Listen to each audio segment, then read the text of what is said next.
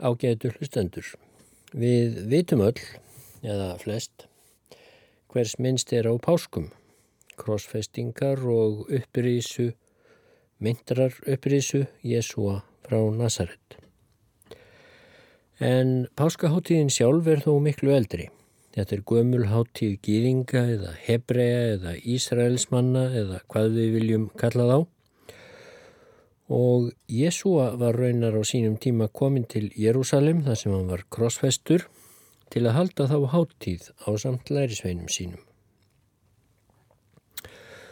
Og orðið páskar er komið úr hinn í fornu hebresku, fræðimenn er ekki alveg sammála um rótes en sennilega þýðir það sniðganga með einhverjum hætti.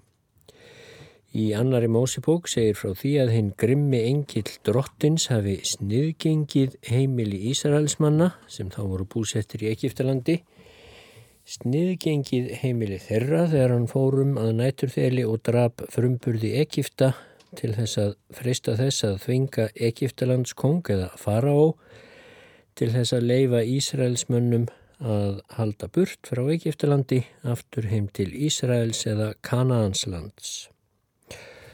Um þá atbyrði eins og biblían segir frá þeim brottkvarf Ísraelsmanna frá Egiptalandi undir fóristum Móse, pláurnar sem Guð kallaði yfir Egipta því fara á var þverlindur og vildi ekki sleppa þrælum sínum sem Ísraelsmenn voru þá ornir.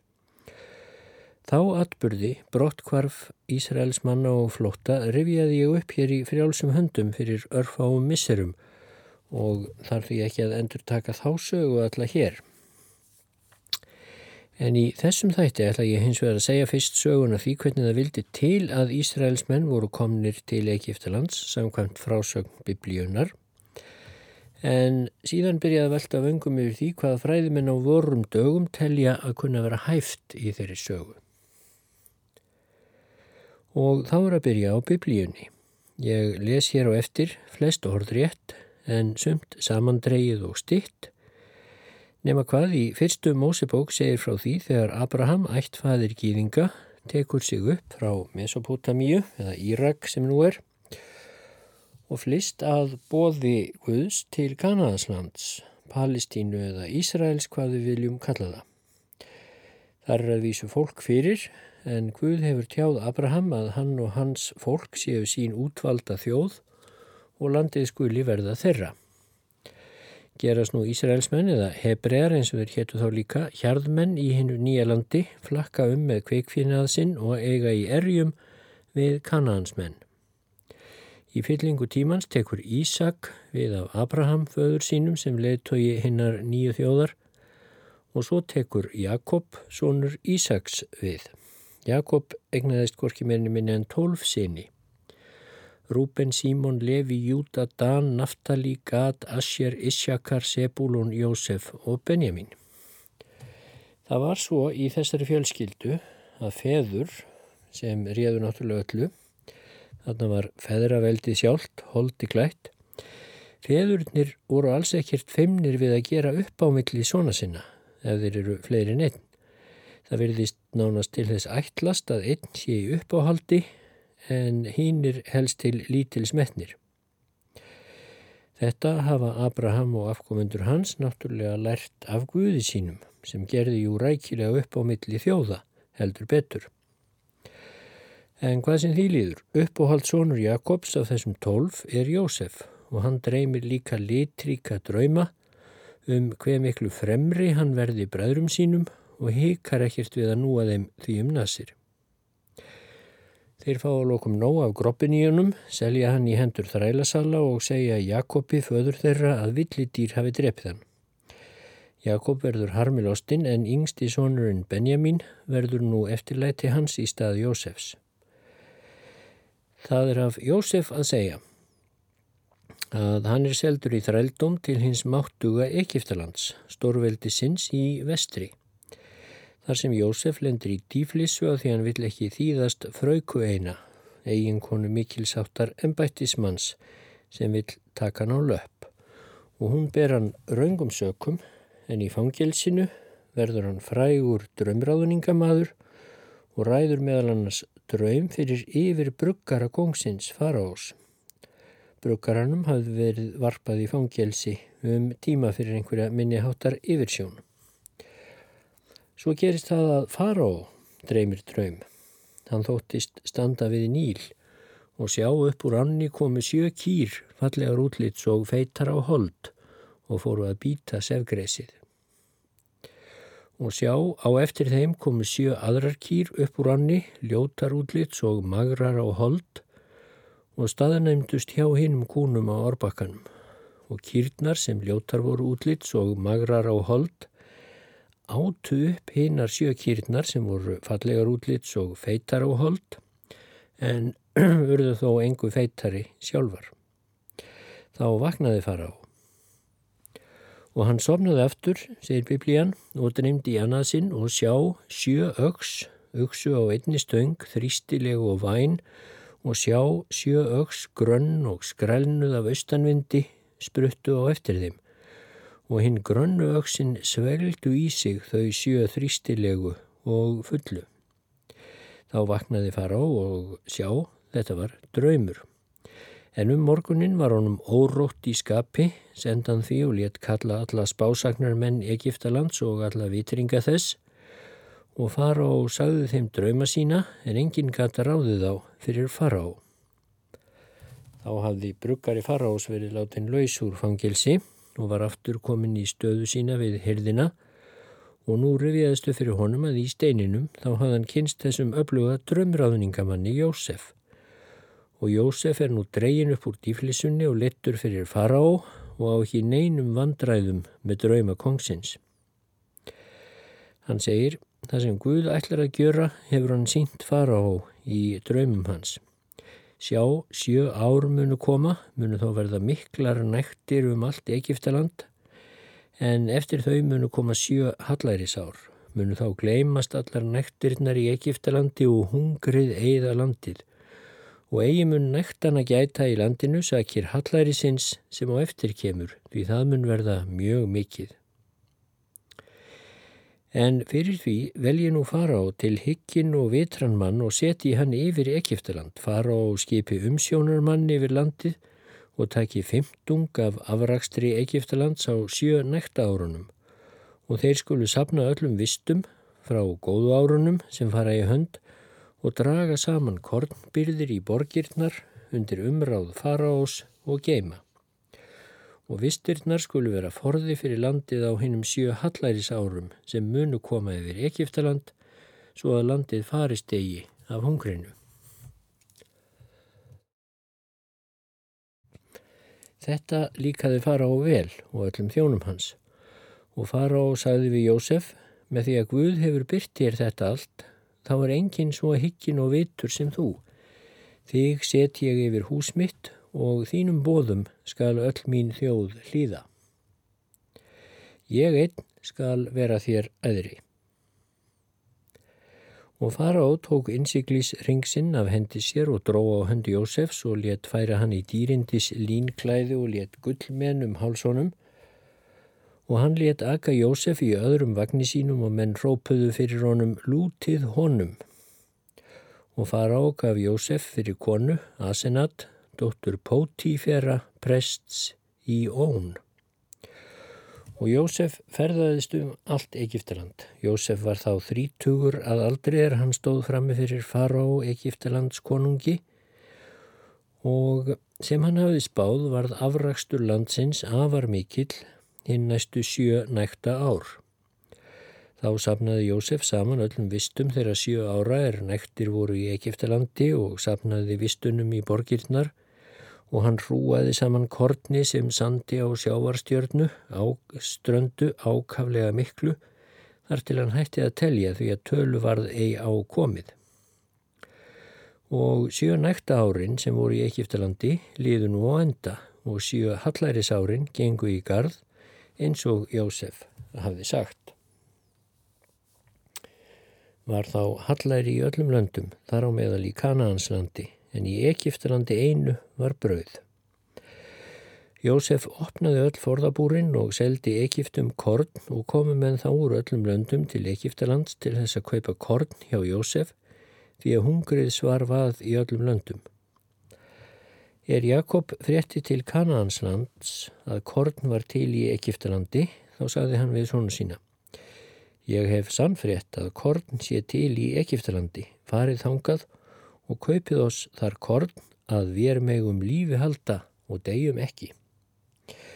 Og sínir Jakobs fóru til Egiptalands til að kaupa korn meðal annara sem komu því að hungur var í Kananslandi og víðar og fóru allur bræðurnir nema Benjamin sem Jakob vildi ekki láta frá sér fara.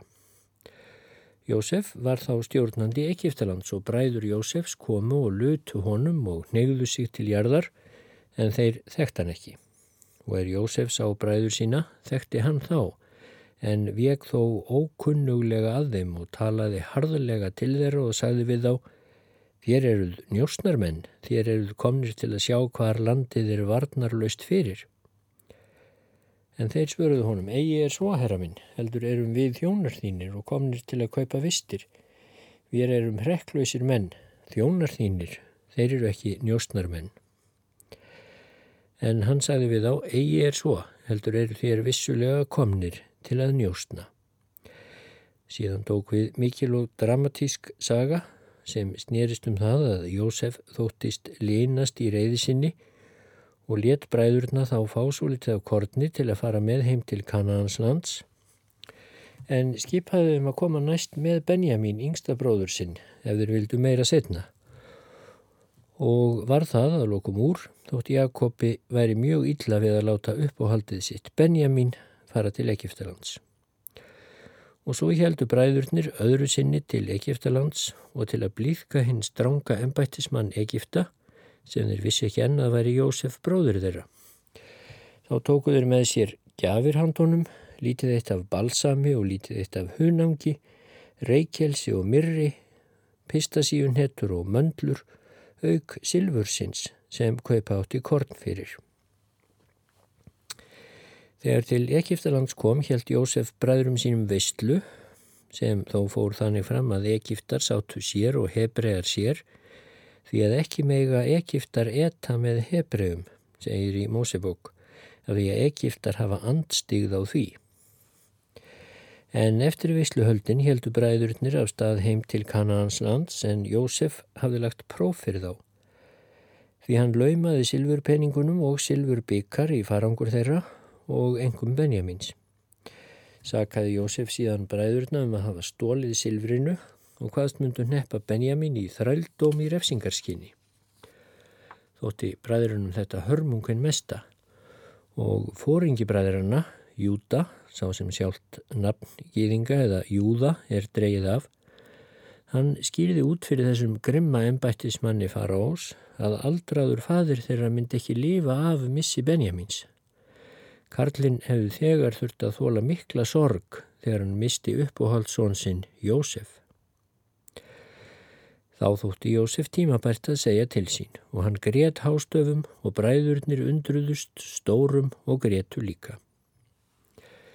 Þegar tárin þornuðu þá útskýrði Jósef fyrir bræðurum sínum að fimm ár væru enn eftir af hallærinu og skildu þeir nú fara sem skjótast heim til Kanahanslands, ná í Jakob og Hebrea alla og fá þá til að koma sem fyrst til Egiptalands því það er til lífsviðurhalds okkar sem Guð hefur sendt mig hingað á undan yður. Og þið skuluð búa þar sem heitir Gósenland og vera í námdið mig og ég skal sjá ykkur fyrir viðurværi svo þið komist ekki í örbyrð. Og sjálfur fara á kom nú loks til skjálana og fagnaði því mjög að fá tækifæri til að halda upp í ættmennum síns trúa þjóns Jósefs og let hann bera Jakobi þau bóð að ég skal gefa yður bestu afurður Egiptalands og þér skuluð etta feiti landsins. Flytið og komið og hyrðið ekki um búsluti ykkar því að þið besta í öllu Egiptalandi skal vera ykkar. Þegar Jakob rétti þetta heima í Kananslandi var þónum mikið um en lagði á stað til Egiptalands. Hann kom við í bænum Bershepa sem hebreir höfðu mikla helgi á og færði þar Guði sláturfórun. Og Guð mætti sjálfur til Bershepa Hann talaði við Jakob í sín um nóttina og sagði Jakob, Jakob, ég er Guð, Guð föður þíns. Óttast þú ekki að fara til Egiptalands því þar mun ég gera þig að mikilli þjóð. Ég mun fara með þér til Egiptalands og ég mun flytja þig þaðan aftur í fyllingu tímans. Og Hebriðar tóku fjenaðsinn og fjárhluti sem þeir höfðu aflað sér í Kananslandi og komu nú til Egiptalands. Jakob og allir niðjar hans með honum. Sónu sína og sónasónu, dætur sínar og sónardætur og alla niðja sína fluttar með sér til Egiptalands. Og allar þær sálir af ætti Jakobs sem komin til Egiptalands voru sjötíu að tölu urðu þar miklir fagnadarfundir með Jakob og Jósef en það var ekki einfalt mál fyrir Jósef að fá fólkinu sínu búsettu í Gósenlandinu sem sennilega var frjósamt svæði í Óshólmum Nílar vegna þess að þeir voru jú hjarðmenn og Egiptar hafa andstigð á öllum hjarðmönnum, saði Jósef föður sínum og hjarðmennska var ekki stunduð í Óshólmunum. En fará let sér þá myndu andstigð í létturúmi liggja og sagði Jósef að fá Jakob og sonum hans búsettu þar sem landkostir væru bestir í gósenlandi. Búið þeir í gósenlandi, sagði fará, og ef þú þekkir nokkra duglega menn meðal þeirra, þá fel þeim yfir um sjón hjarða minna. Fará fagnaði Jakobi síðan vel og spurði gamla mannin kurtislega Vegferðartími minn er 130 ár, fáir og yllir hafa dagar lífsmýns verið og ná ekki þeirri áratölu er feður mínir náðu á vegferð minni en svo mælti Jakob þegar fara og spurði hann um æfi sína. Segir ekki að viðbröðum fara ás við kveini þessu en næst rekur Mósebók viðbröð Jósefs í hungursneiðinu og uppskerubrestinum sem enn stóðu sem hæst. Algjör skortur var á neyslukortni um allandi því hallarið var mjög mikið og Egiptaland og Kanansland voru að þróttum komin af hungrinu. Og Jósef dró saman allt það silfur sem til var í Egiptalandi og Kananslandi fyrir kortnið sem þeir kiftu og Jósef skilaði silfurinu í hús farás og þegar silfur þraut í Egiptalandi og í Kananslandi Þá komu allir Egiptar til Jósefs og sögðu lát oss fá brauð, hví skildum við er deyja fyrir augum þér, bara því oss þrítur silfur og við hefum nú ekkert að kaupa korn fyrir. En Jósef mælti komið hingað með fjenaðiðar, ég skal gefiður korn til nestlu fyrir fjenaðiðar úr því silfuriðar er þróttið. Þá fóru þeir með fjenaðsinn til Jósefs, hann leta á hafa nestlukorn fyrir hestana, söðfjöð, nautpenningin og asnana og hann byrði þá upp með korni það árið fyrir allan fjenað þeirra. Og þegar það árið var liðið komu Egiptar til hans næsta ár og sögðu við hann eigi viljum við er leina herravorn því að nú er silfrið allt þróttið og allur kveikfjenaður vor er nú orðin eign herravors fara ás Nú er ekki annað eftir handa herra vorum en líkamir vorar og ekrur vorar. Hví skildum við er farast fyrir auksín þinni, bæði við og ekrur vorar? Keiftu okkur og ekrur okkar fyrir brauð, þá viljum við með ekrum vorum vera þrælar fara ás og gef þú oss sáðkorn svo við megum lífi halda og ekki deyja og ekrurnar leggist ekki í auðun. Þannig kifti Jósef allar ekrur Egipta handa fara á því að Egiptar seldu hver sinn akkur þar sem hungrið svarf nú verulega að þeim. Og þannig egnaðist fara á allt landið og landslíðin gjörði hann að þrælum sínum frá einum enda Egiptalands til annars. En ekrur prestana kifti hann þó ekki því prestarnir höfðu ákveðnar tekjur frá fara á og þeir livðu af hennum ákveðinu tekjum sínum sem fara og gaf þeim og þurftu því ekki að selja honum ekrur sínar. En þá saði Jósef við líðin, sjá, nú hef ég keft yður og ekrur yðar fara á til handa, hér er, hér er þá sáðkorn handa yður og sáuði nú ekrurnar. En af ávextinum skulu þér skila fara á fymta hluta en hýna fjörðu fymtu hlutana skuli þér hafa til þess að sá akrana og yður til viður lífis og heimafólki yðar og börnum yðar til framfærslu. Og fólki svaraði, þú hefur haldið í oss lífinu, lát oss finna náð í augum þínum, herra minn, og þá viljum við vera þrælar fara á oss. Og Jósef liti það í lög sem haldast, haldist hefur allt til þessa dags að fara og skuli fá fymta hlutan af akurlendi Egipta. Ekrur prestana einar urðu ekki eign fara ás. Þessi sérkynlegi kapli sem lýsir því hvernig Jósef sölsar undir fara á allar jarðeignir Egipta og neppir landsmenn síðan í reynd í þrældóm Hann er svolítið eins og einskot í frásögnina af Ísraelsmönnum í Egiptalandi. Og við sjáum óneitanlega að Jósef er ekkert endilega mjög góður í kristilegum skilningi. Þannig að hann og fara og bjargi þjóðinni frá hungri af einskjæru snotru hjertalagi heldur notar Jósef, þetta tækifæri, neyð þjóðarinnar til þess að auðga fara á og þar með hyrðina og þar með sjálfan sig og hann notar tækifærið til að móka undir fara á völd. Og þessu er líst alveg bligðunar laust. Það byrðist ekki kvartla að skrásetjara fyrstum ásebókar að eitthvað kunna vera aðtúvert við þetta hátterni Jósefs. Og þetta er líka merkilegt fyrir þá sög að þótt svona ævaförn söguleg rít eins og kalla má mósebækurnar, hvað sem trúarlegu intæki þeirra líður, Þótt slík rít séu sem sagt ekki dalinn yfirleitt upp á marga fiska hvaða nútímalega sagfræði snertir þá sínir þó þessi viðleitni mósebókarhöfundar til að skilja hvað hafi verið á bakvið þá þróun að fara á Egiptalands egnaðist allar jarðir í landinu nema þær sem prestarnir áttu. Þessi viðleitni sínir að þarna var reynd að skiknast undir yfirborðið og bakvið tjöldin. En allt um það. Nú byggu Egiptar og Ísraelsmenn saman í Egiptalandi lengi vel í Gósenlandi og þeir festu þar byggð og jöku kynsitt svo að þeim fjölgaði mjög. Jakob livði í 17 ári í Egiptalandi og dagar Jakobs, æfi ár hans, voru 147 ár alls. Þegar dróað dauða Jakobs lit hann kalla Jósef svonsinn fyrir sig og sagði við hann Hafi ég fundið náð í augum þínum, svonur minn? Þá legg hönd þína undir lend mína og auðsýn mér elsku og trúfestu en jarða mig ekki í Egiptalandi. Ég vil kvíla hjá feðrum mínum og skalt þú flytja mig burt úr Egiptalandi og jarða mig í gröf þeirra.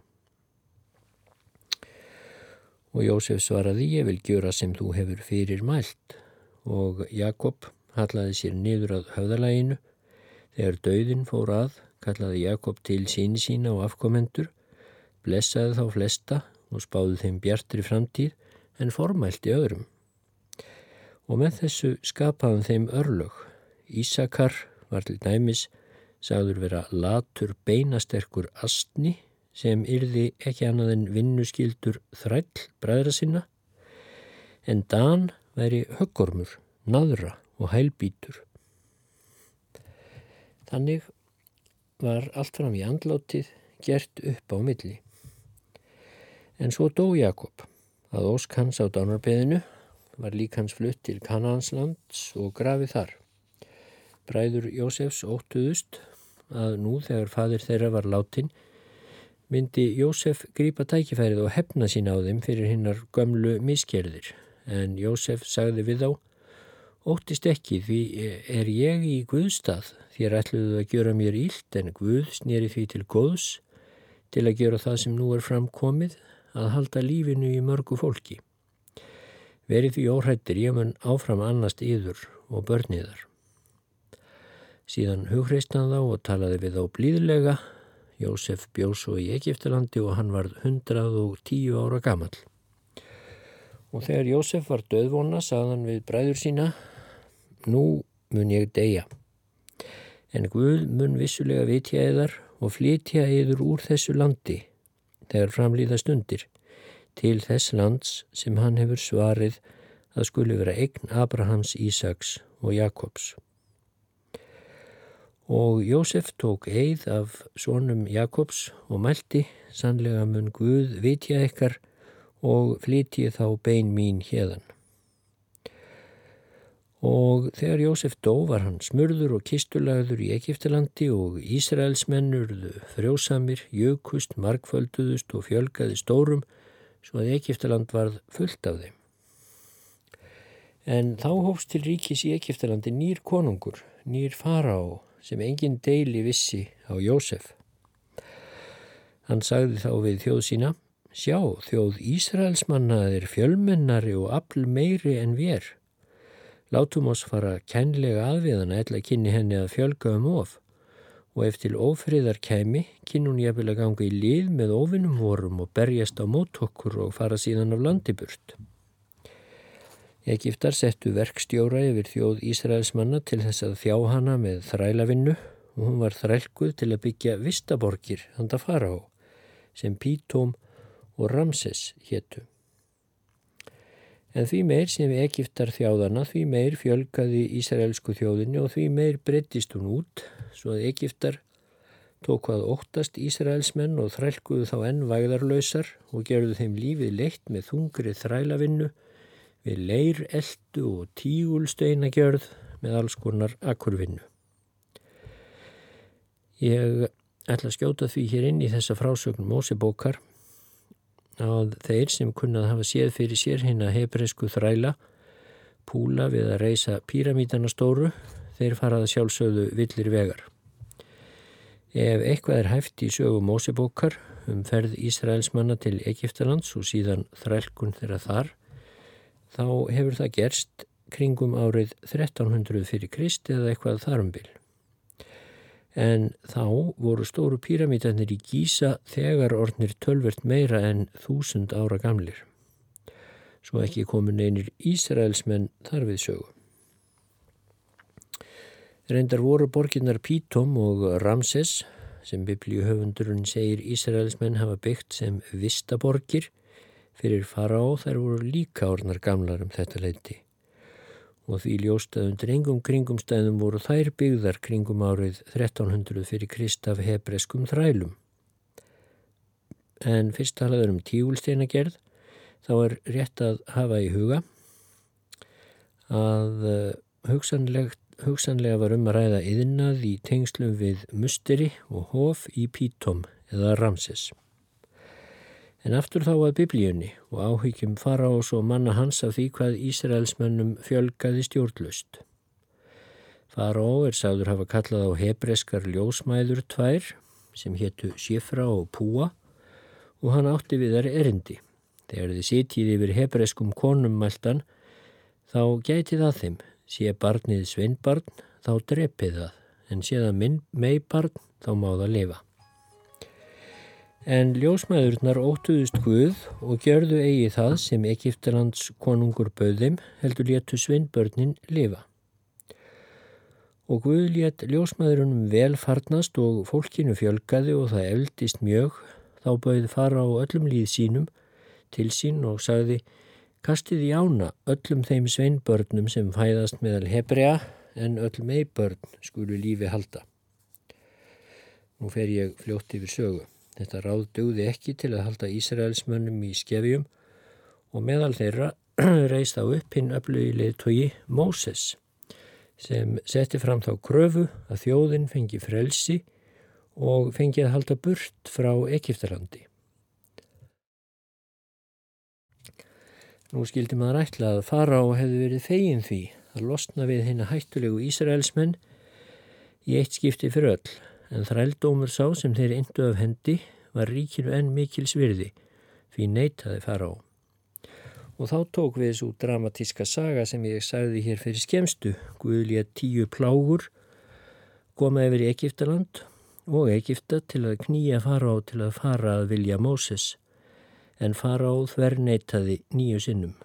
Fyrst breytti Guð vatni nílar í blóð, svo allur fiskur drafst, Næst fyltist alltaf froskum, þar næst af mýflugum, fjórðapláan var flugnager, svo fymta var síki í búfjenaði Egipta, sjötta pláan var kílapest, sjöunda móðalegt hagljél og þrumuveður, áttunda pláan engisbrettu faraldur og svo nýjunda nýða myrkur í þrjá sólarhinga samfleitt.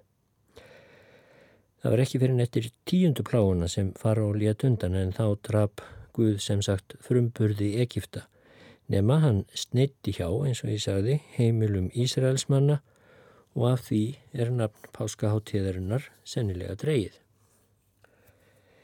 Það er svo í annari mósibók að Guð sjálfur herðir æfinlega hjarta faraós eftir hverja plágu svo hann neytar Ísraelsmannum um faraleifi hvers vegna Guð fór þessa leið annars vegar að heimta burtfararleifi fyrir Ísraelsmenn en hins vegar að koma sjálfur í vekk fyrir að þeir fengið að fara.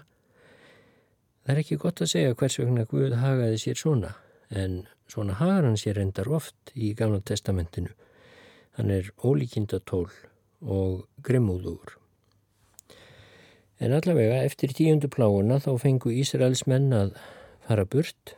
Þeir voru tvær miljónir segir Mósebók og þeir lögðu af stað, karlar, konur og börn og tóku kistu Jósefs með sér en fara á snýrist svo hugur og hugðist elda Ísraelsmenn uppi og neppaði á aftur í þrældum eða reynlega drepaði á alla en Guð drekti þá fara á og herr hans í Rauðahafinu eins og við munum öll. Glæsileg sena í biblíumyndinni gömlu þar sem tjaldun Heston leik Móse og kvartlar ekki að neinum að það kunni að vera eitthvað ósýðlegt við að Guð fyrirkomið þúsundum korn ungra egífskra stráka sem ekkert höfðu til saka unnið nema að vera dátar faraós og fylgja honum í eldingarleiknum. Guð hefði náttúrulega getað stöðvað herin öðruvísi en drekkjónum með manni og mús en þannig sleppa Ísraelsmenn sem sagt frá Egiptalandi og eftir ótrúlega langa vist út í sína í eðimörkinni kom þjóðin loks til Kanahanslands eftir ferðalagi í 40 ár. Og þó er vegalengdin ekki nema svo sem 500 kilometrar. Þá þarf þjóðin að brjóta undir sig landið og herrtaka það af kannverjum og það gera Ísraelsmenn með miklum blóðsúttellingum og djöfulgangi, segir í biblíunni og er íbúum hverjar borgar af annari útrýmt að betni skipan Guðs. Þar er frægust lýsingin af því þegar borginni Æ er eitt að skipan Guðs. Af því segir í áttunda kapitúla Jósúa bókar og allir þeir sem fjallu á þeim degi, bæði karlar og konur, 12.000 manns, allir Æ búar voru feldir. Jósúa dró ekki að sér höndina sem held á spjótinu uns hann hafði gjör eitt öllum. En fjenaðinu og herfangi því sem í borginni var rændu Ísraelsmenn sér til handa eftir bóði drottins. Því allt sem þeir gerðu, gerðu þeir að vilja hans. Þá höfum við heyrt hvernig Ísraelsmenn Mósebókana lendu í Egiptalandi og í örstutumáli hvernig þeir komist þaðan aftur. En þá er spurningin, er þessi saga sönn? Gerðist þetta í alvörunni? Leitaði hinn vaksandi þjóð Ísraels hælis undan hungursneið í Egiptalandi svo þar á dafnaði uns hún varð ógnun við heimamenn og var þá vísað á burt eða flýði. Hvort heldur var, kostaði það mikil átök og blóðu áður en þjóðin slapp burt og á sínar heimaslóðir í Kananslandi. Var þetta satt eða er sagan um hérna fyrstu páskagýðinga, hérna fyrstu sniðgönguháttíð ef svo má segja, er hún tilbúningur, þjóðsaga, helgisaga.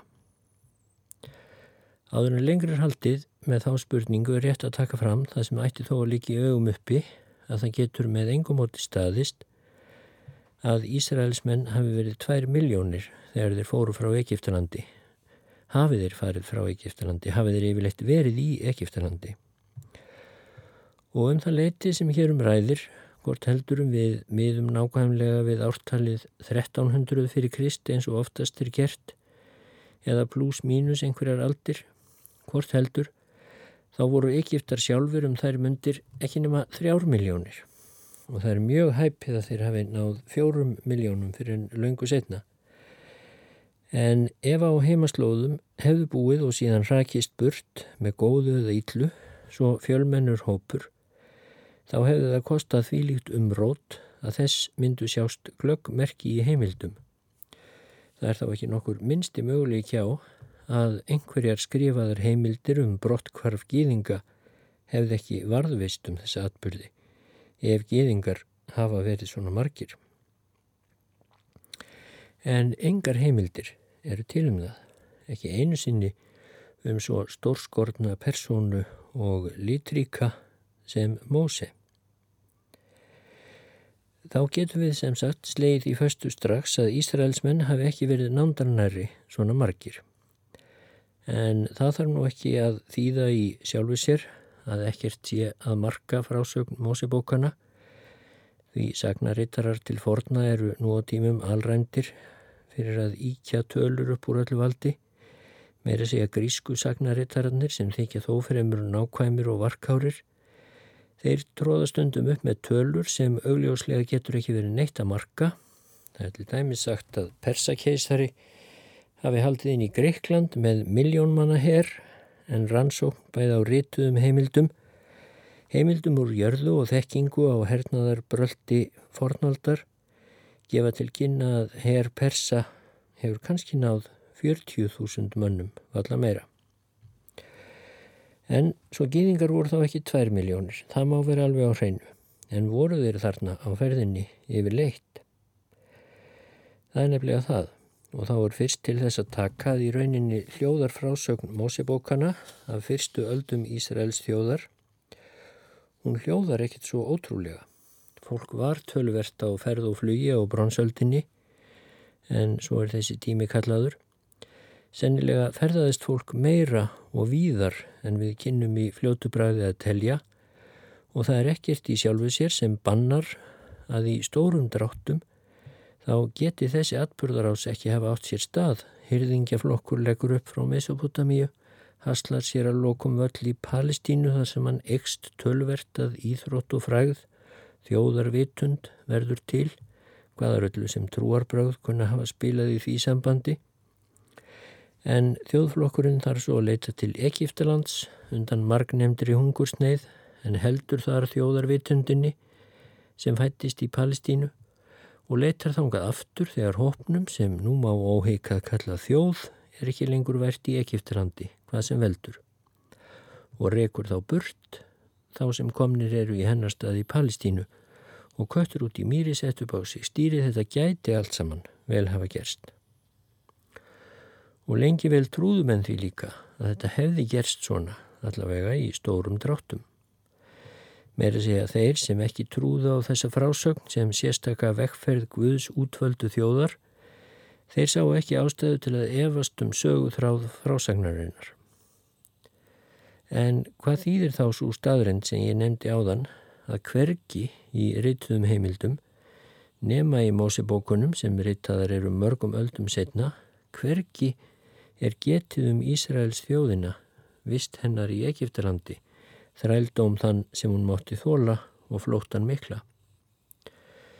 Þar kemur tventilmála, annarkort er þetta meiruðað minna tilbúningur eða þá þeir sem við þekkjum sem Ísraelsmenn ganga í egipskum heimildum undir einhverju öðru og framandlegu nafni. Þeir hafa líklega aldrei verið jafn margir og frásögn Mósebókana vil láta vil vera láta þegar hún talar um 2 miljónir en ég sagði á þann að fólk hefði verið á flakki á bronsaldinni við veitum að semitískir þjóðflokkar en Ísraelsmenn voru og eru semítar. Semitískir þjóðflokkar voru sem sagt á ferðin í Egiptalandi sem er hafðu þar búsettu um lengri eða skemmri tíma. Því þá ekki Ísraelsmenn.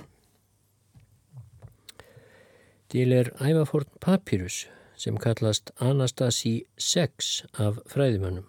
En þar er að finna bref sem aðsti herfóringi virkis í útjæðri Egeftalands skrifar yfirbóðurum sínum um 1200 fyrir Krist. Þar segir Við höfum leift hyrðingja ættbálgnum Sjasu frá Edum að fara fram hjá Merenfat virki í Tjeku til Vinjana við Pítomborg svo það fólk megi haldast á lífi og brunna kvikfinaði sínum með leifi faraós og hins góða sólarguðs Egipta. Þetta er mikilvægt plagg vegna þess að þarna er í fyrsta sinn minnst á staðin Edóm en það var bær þar sem nú heitir Jordania. Þar um slóðir eru rústirnar sem kallast Petra og margir íslendingar hafa skoðað. En laungu áður en byggingarnar sem eru rústirnar í Petru eru af Þá voru edumbúar hyrðingjar mjög í ætt við hinn að fornu Ísraelsmenn og þeir voru náskildir. Meira að segja Mósebækurnar viðurkennaða því þar kemur fram að edumbúar séu afkomendur Esá en hann var sonur ættföðurins Ísaks sem tók þó sonin Jakob fram yfir hann og Esá þurfti að röklast á, á burt frá ættbólknum því munið hvað er voru gjarnir hinnir fornu Ísraelsmenn að gera upp á milli.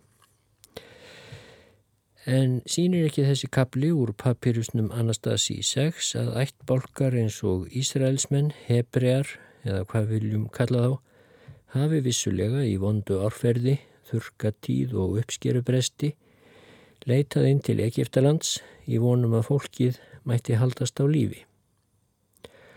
Og hvað er þá því til fyrir stöðu að sagan um Ísraels menn sé sönn svona í stórum dráttum? Tala nú ekki um þegar við finnum í heimildum sagnir um hérna mjög svo dularfullu þjóð Hyggsa sem byrtist fyrirvara löst í Egiptalandi úr miðaustulöndum því komum þá ekki frá Palestínu.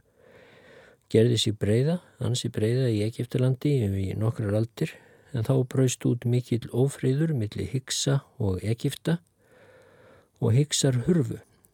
Hvert er hurfu? Það vitum við ekki.